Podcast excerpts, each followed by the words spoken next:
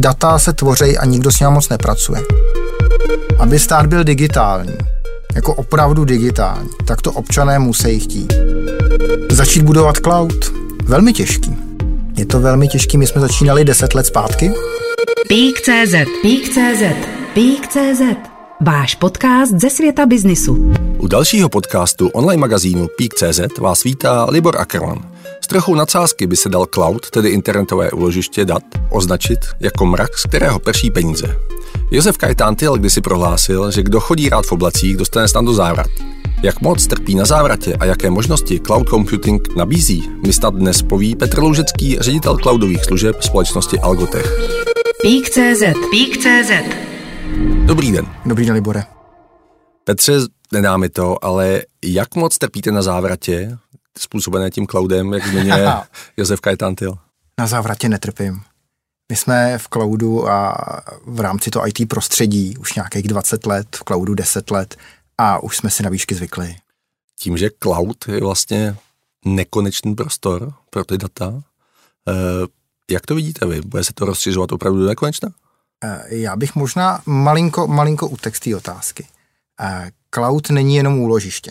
Cloud je de facto forma služby, jak je dneska IT poskytováno. Takže to není jenom o tom místě. A z tohohle pohledu, že cloud bude cokoliv, co, co budete vlastně konzumovat v rámci IT světa, tak cloud je opravdu nekonečný a ta výška, s kterým může mít závrat, je opravdu veliká. Myslím si, že to, co je dneska nazýváno cloudem, je opravdu jako začátek, obzvláště v České republice, která je hodně konzervativní. A čeká nás ještě velký růst a velký rozvoj. Dá se říct, nebo říkávalo se, že všechno najde člověk na internetu, dá se říct, když to převedeme na ten cloud, že všechno najdeme v cloudu? Tak dalo by se to tak říct. A do budoucna myslím si, že ano, protože de facto internet, tak jak je vnímán uživateli, je nějaká sbírka dokumentů, informací, videí a, a mediálního obsahu. Vlastně ta myšlenka původní internetu jako výměny informací se malinko vytratila. A jakýkoliv content dneska, video, podcasty, když se bavíme o podcastech dneska, je uloženo stejně někde v cloudu. Každý server, ať už je to jakýkoliv, je uložen dneska v cloudu a uživatel konzumuje službu. Když bychom tedy měli zůstat ještě u té definice cloudu, tak jak jste ji vlastně naznačil, byť většina Čechů lidí si představí, že to je opravdu to datové internetové úložiště, kde má uloženo svoje fotky, filmy, možná hudbu, pokud neposlouchá rovnou třeba Spotify a tak dále, tak ale jako služba, co všechno ten cloud nabízí, krom toho úložiště? Cloud je vlastně energie, energie internetu dneska, nebo je to to, co pohání internet a ten content. Takže když si představíme, co může být dneska službou, tak to máme od úložiště pro rodinný fotky až pro úložiště pro Pentagon. Opravdu i Pentagon dneska využívá cloudové služby. Přes výpočetní výkon, potřebujete spočítat počasí, potřebujete spočítat crash testy v autě, potřebujete spočítat analýzu hlasů, cokoliv, tak můžete počítat. A hlavně to, co je nepřeberný a dneska jako extrémně rozvíjený, jsou aplikace. Vlastně většina uživatelů konzumuje dneska aplikace z cloudu. A Ať jsou to systémy pro podnikové řízení, pro zákaznické informace na ukládání, ať jsou to hry, dneska vlastně cloud, veškerý vlastně hry jsou uložený v cloudu, jsou hraný, celý e-sport je vlastně založený na nějakých cloudových platformách, tak najdeme tam naprosto cokoliv. Eh, Je to tak, že pokud by ten cloud nějakým způsobem se vypnul, tak lidstvo se dostane do velmi těžkých problémů? A tak lidstvo je vynalézavě, lidstvo přežilo ledacos. Já myslím, že jsme si poradili. A pára taky už se nepoužívá, tak já myslím si, že s cloudem a s IT je to jako ze vším v historii. Postupně se to rozvíjí, pak se objeví nějaká boční větev, která pokračuje dál, takže že by se s cloudem zastavil svět, to řekněme, že asi dneska ne, ale když to vezmeme do té podstaty, tak bez IT by se cloud uh, svět dneska zastavil. Jak jsme na tom s využíváním cloudu vlastně v Česku? Existuje mraky průzkumů.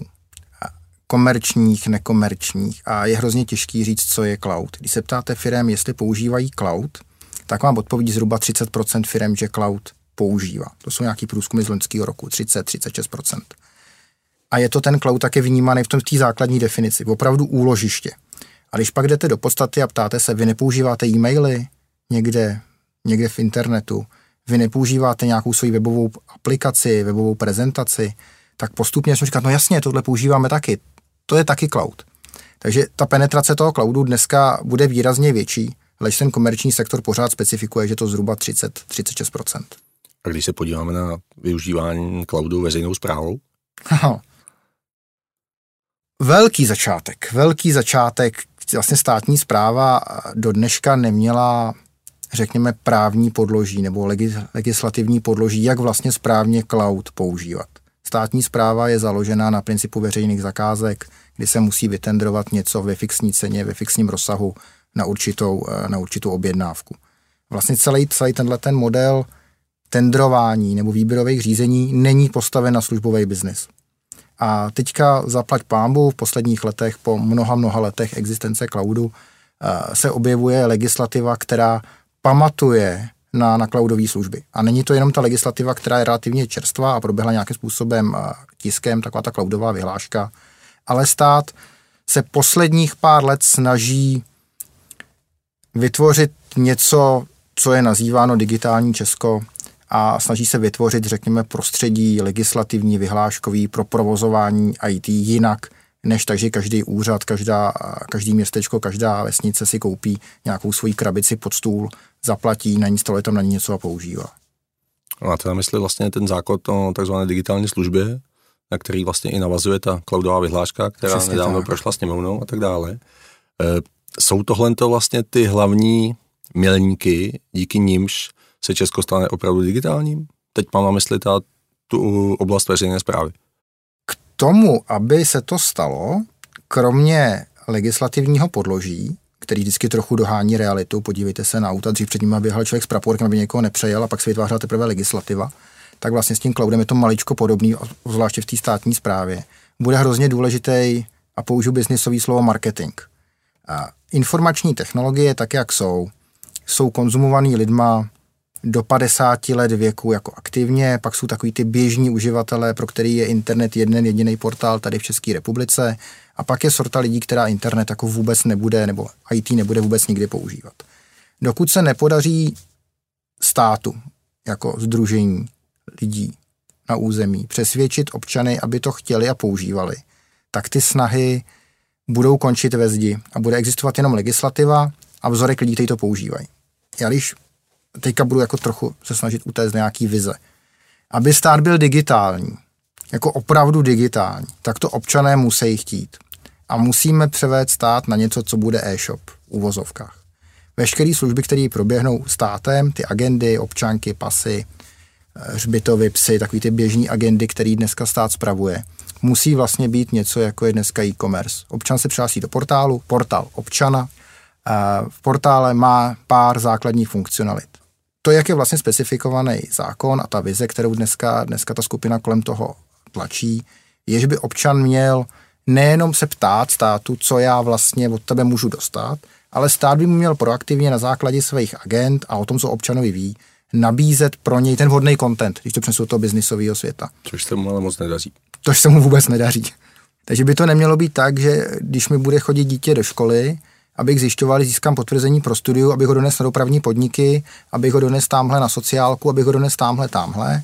Měl bych se přihlásit do portálu občana, ať už to bude bankovní identitou, eh, elektronickou občankou, čímkoliv, datovou schránkou, ty se pak můžeme lehce dotknout, ožehavý téma celého zákona, že jo. A uvidím to, co vlastně můžu konzumovat. Stát o mě ví úplně všechno. Ví, co vlastním, vím, co platím, ví, s kým žiju, ví, jaký mám děti, jaký mám psy, jaký mám příbuzný. Takže ví, jaký agendy vlastně musím postihnout. A kdyby dělal ten marketing dobře, ten sales, tak vlastně bude tlačit ten kanál toho, toho co já mám, mám konzumovat. Dobře, já si to dokážu představit jako koncový uživatel, který to vlastně používá, ať už eh, portál občana nebo podobnou jinou službu, že pro mě má ty přínosy. Na druhou stranu víme, jak vlastně stát eh, s podobnými systémy funguje, jak je dokáže zavádět, jak eh, dokáže být eh, natolik slepý, hluchý, že pravá ruka neví, co dělá ta levá, tak eh, neměl by se i ten marketing vlastně zaměřit i trochu jakoby dovnitř toho státu? No rozhodně. Dokovat úředníci, úřednice nebudou sami v rámci svých procesů a postupů používat digitalizaci. Bude to pro ně jenom otrava a to, co jim přijde tou schránkou, si stejně vytisknou a orazítkujou. Tak to nebude fungovat nikdy.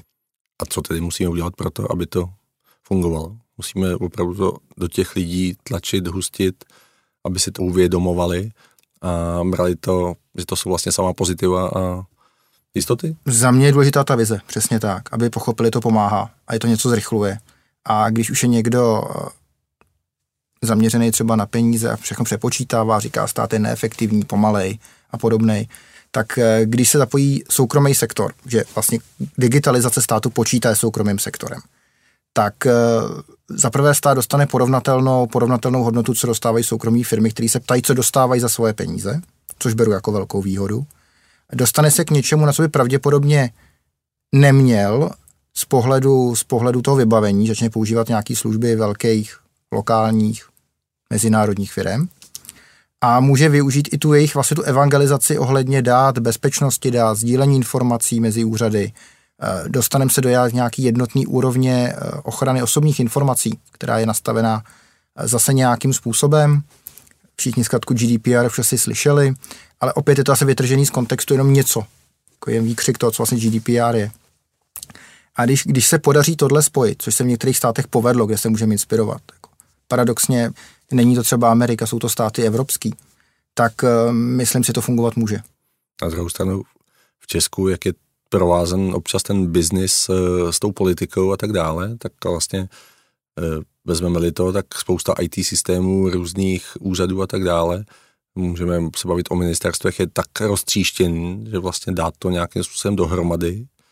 Dávalo by smysl vlastně obnovit třeba ministerstvo informatiky, které tady bylo v minulosti, které by to mohlo mít v gesci?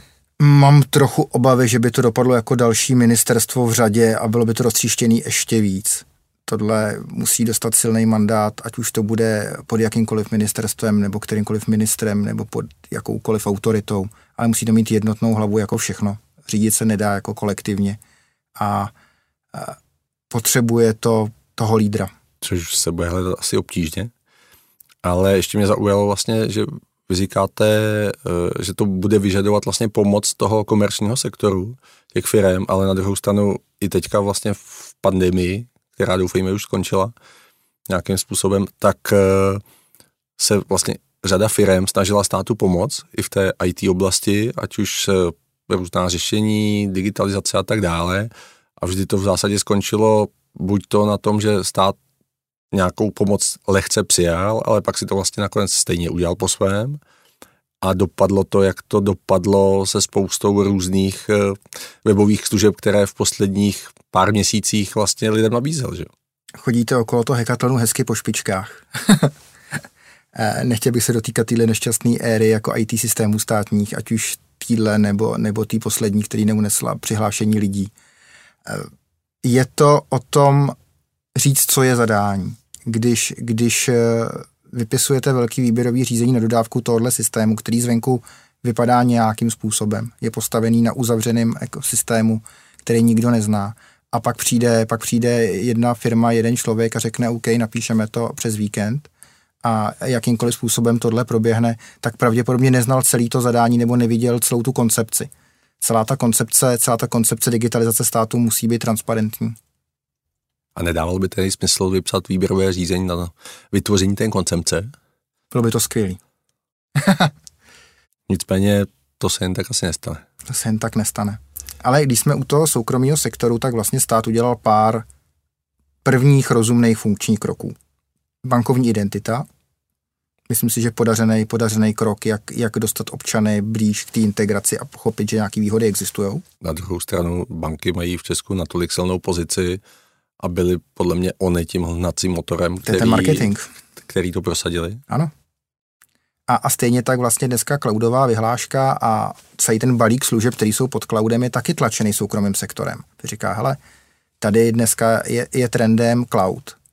Pojďme se nějak domluvit, jak stát může využívat cloud. Nám baráky cloudový stojí, hučej, jsou odzkoušený, funkční, nemusíte nic kupovat. Pojďme si vyspecifikovat nějaký standard, rozdělme služby do nějakých kategorií, chápeme, že jako Temelín asi nebude sedět v cloudu, řekněme, že rozdělíme služby do nějakých čtyřech kategorií, dejme jim přesný, jasný pravidla, ať se dá tendrovat, vznikne katalog, ten už vzniknul, ať už na infrastrukturu, jako na ty hloupý výkon, úložiště a tak, tak na nějaké chytřejší služby, jako jsou, jako je software jako služba.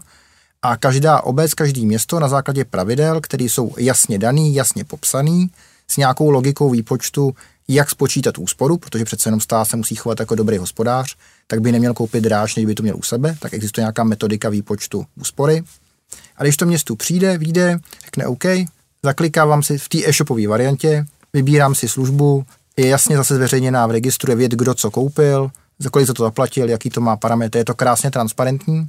Firmy dostanou zpátky nějakým způsobem peníze, je to taky jistota zase pro nás, jakoby pro poskytovatele. Stát dostává garantovanou kvalitu, za mě win-win. Nakousli jsme ještě tu otázku datové schránky, která vlastně nějakým způsobem je zakotvená v té eh, legislativě, která byla schválená. Vy jste se u toho pousmál? A, tak z toho zákona, který jako velmi obsáhlej, obsahuje jako hromadu odvolávek na jiné normy. Ve většině tisku proběhlo datová schránka. Je to zákon o datových schránkách, že občani budou muset mít, že každá babička, každý dědeček, každý dítě doslova bude mít datovou schránku. A o tom to vlastně je. A o tom tak úplně nebylo. Je to jako jeden, jeden z těch přístupů, jak de facto občana pustit do těch, do těch služeb, jak ho autentifikovat, říct, že to je on a jak se má ptát. A myslím si, že v celku rozumně vznikl odklad o tři roky. O dva roky, pardon, roku 2023. A, a zase je to jenom proto, aby jsme byli schopni udělat všichni společné soukromí firmy, portály, stát, neziskovky, nějaký marketing a vysvětlit, k čemu to bude používáno. Dneska datové schránky mají špatnou pověst.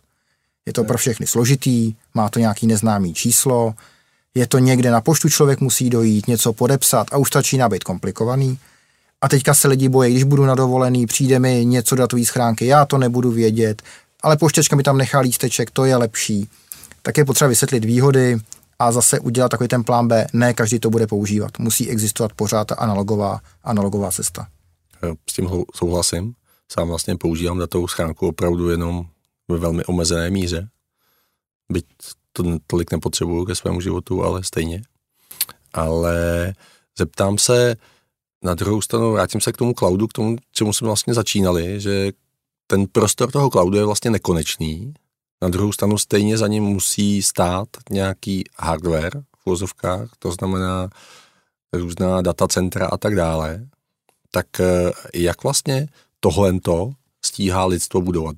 Budujeme dost datacenter tak, aby ty data, která jsou nehmatatelná, se všude vešly? Cloud je služba je to marketingový slovo, je to schovaná pod tím nějaká služba. Pod tím je schováno pochopitelně to, co všichni známe. Krabičky, krabice, velký krabice a menší krabice, které jsou v barákách, kterým se říká datový centrum. Eh, když to vezmu takhle z praxe, jsem 10 let teďka v rámci jednoho datového centra, jednoho cloudu, tak místo se z tisíci násobilo, možná z deseti tisíci násobilo ta úložená kapacita, ale objem toho hardwareu je velikostně jako v zásadě stejný oni Můrovy zákony pořád ještě platí a budou ještě takovou chvilku budou platit. Takže budovat na, na velikost určitě budeme stíhat.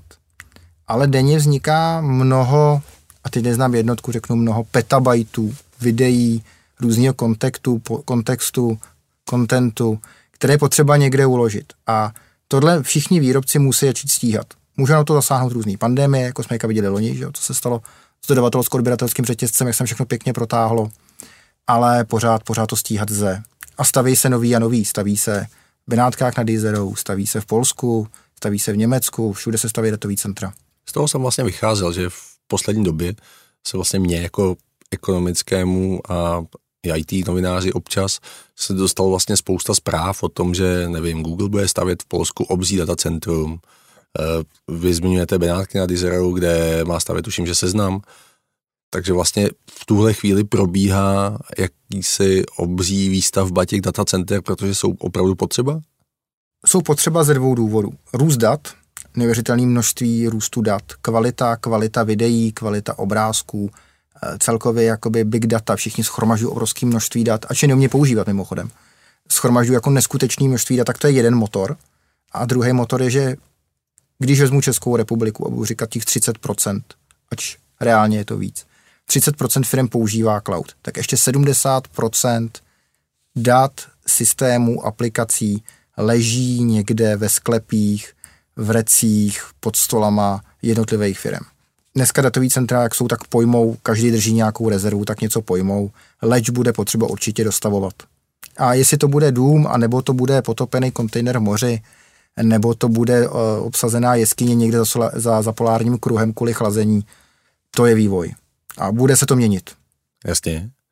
Ale na druhou stranu uh, to, že vlastně ty firmy, narážíte na to, že vlastně furt je tady velký gap, velký, velká díra vlastně v tom využívání služby, cloudových služeb, eh, tak eh, bude natolik eh, dostatečná ta zásoba, ať už těch datacenter nebo v úvozovkách těch lidí, kteří tu službu budou pomáhat těm firmám nějakým způsobem zavést a tak dále, tak v tomhle tom nemůžeme narazit na nějaké kapacitní nedostatky?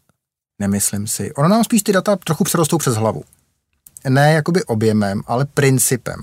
Vemte si, že dneska se dostávají ke slovu eh, neuronové sítě, umělá inteligence, strojové učení eh, a stáváme se do stavu, hm, všichni máme asi rádi sci-fi, kdo se motáme okolo IT, tak Minority Reportu a podobných, podobných filmů, kdy ty systémy budou schopný relativně prediktivně předpokládat, co chceme s těmi systémy udělat. Ono to začne pravděpodobně velmi jako nenápadně, dneska se schovává pod zkratkou CX, Custom Experience, ten systém vám nabízet vaše obvyklé chování, v telefonech, ať už jakýkoliv značky, ten našeptávač už většinou tuší, jakou aplikaci zhruba v kterou hodinu máte a v té nabídce se to jako objevuje. A tohle to bude generovat obrovské množství dat. A to bude ve vlastnictví velkých firm, který tohle to provozují a mají to zase na druhou stranu komerční přínos. Tohle to nikdo nedělá zadarmo. A ty se budou peníze tím pádem investovat do vývoje, zrychlování, víc ukládání, holografické ukládání a podobné věci. Myslím, že na disky můžeme zapomenout za pár let. Vyřeší se to. Nebál bych se, že nám dojde prostor v cloudu. Pík.cz Pík.cz Kterou tu část z tohohle biznesu, kterou zmiňujete, v čem se budou točit ty obrovské peníze, tak eh, nakolik eh, těch peněz přiteče vám jako do Algotechu? My budeme šťastní za procenta. český trh, český trh je trochu specifický. Dlouho, dlouho bude ještě trvat, než eh, české firmy vstoupí do takového klasického public cloudu. To, co vlastně tady u nás provozujeme a, a proč firmy jako diferencují od těch velikých, je nějaká přidaná hodnota. Česká podpora. Je to pro nás, pro Čech, jako velmi důležitý nevolat v cizím jazyce na podporu. Eh, je pro nás velmi důležitý mít to po svým. České firmy mají velmi specifickou potřebu jakýkoliv, jakoukoliv aplikaci, jakýkoliv software přiohýbat svojí firmě. Jako, když vidíme velké implementace podnikových systémů, což děláme moře, moře let, tak množství customizací je obrovský. Customizace je ta úprava na tu danou firmu. V Americe velmi často řeknou, OK, ten software umí tohle, tak my to tak budeme dělat. Tak to asi má být, když to tak napsali. Takže firmy typu my, kteří budujeme velmi specifická řešení, který je hodně otevřený úpravám a různým rozhraním a podobným věcem, asi nikdy nebudou, nebudou majoritou těch, koho tam ty zákazníci budou chodit. Budeme řešit takový ty minoritnější, lež o to zajímavější projekty a myslím, že pro takový to strojový učení a podobný bude hodně velká cílovka. Zaměřujete se vlastně cílovkou jenom opravdu na ten český trh? Ano. My vyloženě strategicky, co se týče cloudových služeb, jdeme primárně po československým eh, československým trhu, případně, eh, případně státy v okolí, který známe, ty jsou nám mentalitou blízký a nikdy neříkej teda nikdy, ale, ale jako strategie mluví o, o lokálním poskytovateli. Jak moc velká konkurence vlastně na tom trhu panuje? Dneska se dá konkurence rozdělit na nějaký tři kategorie. Máme tady globální hráče, ty si můžeme pojmenovat, ty asi každý zná, je to Azure, je to Google, je to AWS, který poskytují ten nejklasičtější public, public cloud, konzumace, na webu zaškrtat, zaplatit kartou a využívat. Pak je tady druhá skupina poskytovatelů, kteří využili prostředí a, a své zákazníky, svůj zákaznický kmen a svých služeb a začali nabízet cloud a jsou to poskytovatelé telefonu, televizního vysílání, mobilních operátorů. To je jako druhá kategorie velká, pro který je to doplňkový, doplňkový sortiment, protože baráky mají postavený, aby mohli vysílat, aby tam mohli mít data z telefonů a podobně a nabízejí, nabízejí cloud jako prostě jeden, jeden ze svých produktů. A pak je tady skupina hráčů, který vsadili na kartu cloudu, většina je to právě tady jakoby nezávislých, nezávislých poskytovatelů, těch je v České republice do deseti, těch, kterých se obvykle Je jich víc, ale jsou hodně malí, těch větších je řekněme 10. A ty, ta cílovka, ta cílovka je hodně rozdílná i tam. Někdo cílí na speciality a někdo slouží naopak, jakoby cílí na menší podniky, ultralevné služby, absolutní opakovatelnost, absolutní nevztah se zákazníkem, všechno přes nějakou samoobsluhu, čety a podobně. A těch individuálních je tady třeba pět. A vy cílíte na speciality? Speciality, individuální přístup. Rozumím. Eh, zeptám se ještě tak, eh, tím, že vlastně ty velcí hráči eh, spolknou většinu toho trhu, zůstane i na tom trhu dostatek potravy v úvozovkách, i pro ty menší hráče a, a, a speciálně i v oblasti těch specialit? Rozhodně, rozhodně.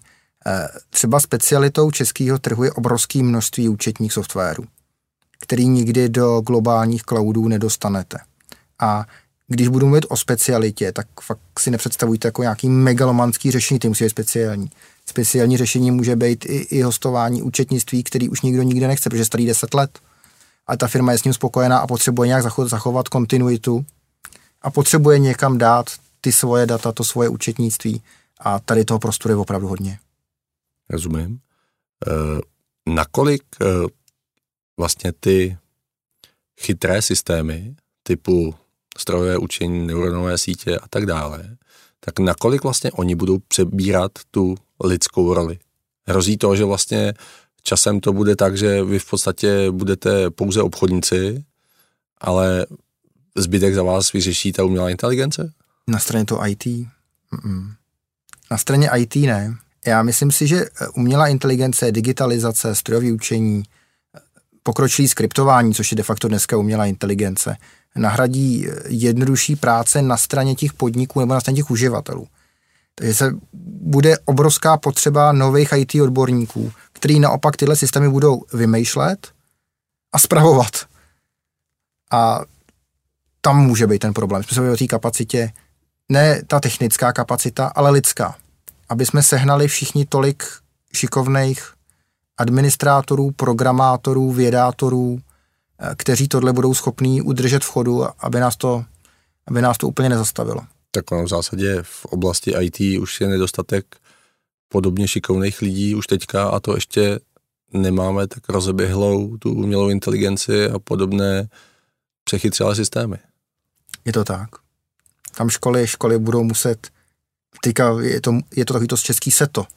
Seto bude muset vystudovat, ale budou, bude muset hodně, hodně se zaměřit na to, aby mladí lidi našli v IT zalíbení a nejenom v tom IT programátorském. Jako hodně často spolupracujeme s středníma školama, vysokýma školama a, a většinu té energie, které studenti vkládají do učení IT, vkládají do té aplikační úrovně, která je víc, použiju ošklivý slovo, je víc sexy pro ty lidi, že píšou nějaký mobilní aplikace a zná to každý tu aplikaci. Ale těch lidí, co dělají tu infrastrukturu pod tím, ten rozvoj, ten těžký vývoj procesorů a podobných věcí, těch ubejvá. Proč? Protože to není dostatečně sexy? Pravděpodobně. Nebo chybí nějaký marketing? Ať už od státu nebo od vás? Tak eh, ta touha něco mít a nebo něco studovat eh, vždycky je zbuzená něčím. Ať jsou to peníze, ať je to, ať je to uznání, nebo možnost se prosadit – a je, je pravděpodobně snaží se dneska prosadit v aplikacích, v nějakých nových systémech, než vlastně dělat to, co už existuje dneska 25 let, ty dráty, to, co je pod tím. Je rychlejší, novější, lepší, leč pořád stejný. Jak těžký je prosadit se v cloudu? Začít budovat cloud? Velmi těžký. Je to velmi těžký. My jsme začínali 10 let zpátky. Primárně, primárně jsme měli za cíl poskytovat software jako službu ne začít prodávat chladný vzduch jako všichni v té době, kteří tady existovali, jako ty matadoři, ale že říkáme, OK, půjdeme, půjdeme do aplikací, mluvili jsme o tom s novináři, s lidmi před těmi deseti lety a byli jsme opravdu, opravdu zjevení v té chvíli. To, takový metisovikací, to v Čechách nikdy se nebude používat. Hmm, tohle tady ne. To se nechytí. Takový ty standardní, standardní věty. A byli jsme opravdu o pár let napřed. Dneska zaplať pámbu za to, ty první roky byly jako těžší jako těžko na cvičišti, lehko na bojišti potom, že jo. Chytilo se to. Chytilo se to a máme, máme náskok, víme, jak ty věci fungují, jak tu technologii pod tím, že my jsme ty, co se starý o tu technologii, jak tu technologii připravit, jakým způsobem to modifikovat, připravit se na nové trendy a na podobné věci. Díky tomu jsme schopni zaostovat rádiový vysílání, jsme schopni zaostovat systémy, které uh, dělají třeba rozpoznávání textu nebo přepisou soudní jednání do, do textu a běží to z cloudu.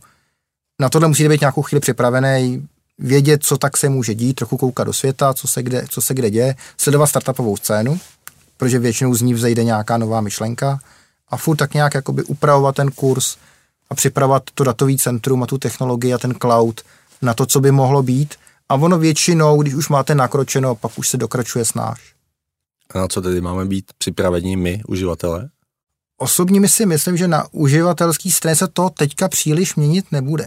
Bude se hodně měnit na tom, na tom pozadí, jak vytěžit a předvídat. Podívejte se na úplně základní aplikace. Dřív jsme byli nadšení, jsme si nahráli eh, na web fotky. Dneska napíšete eh, hledám Řecko, hledám, a to je základní podle GPSky, to je sranda. Ale hledám jablko, hledám dům, hledám někoho podle tváře. A dneska ty systémy na pozadí, už to řekne, jo, to je dobrá funkce, super. Ale na pozadí je neskutečný jako šavlostroj, který musí být schopen projít, indexovat, vytvořit nějakou logiku a tomu uživateli vlastně dá ten komfort a on vlastně ani neocení, řekne, jo, to je prima funkce.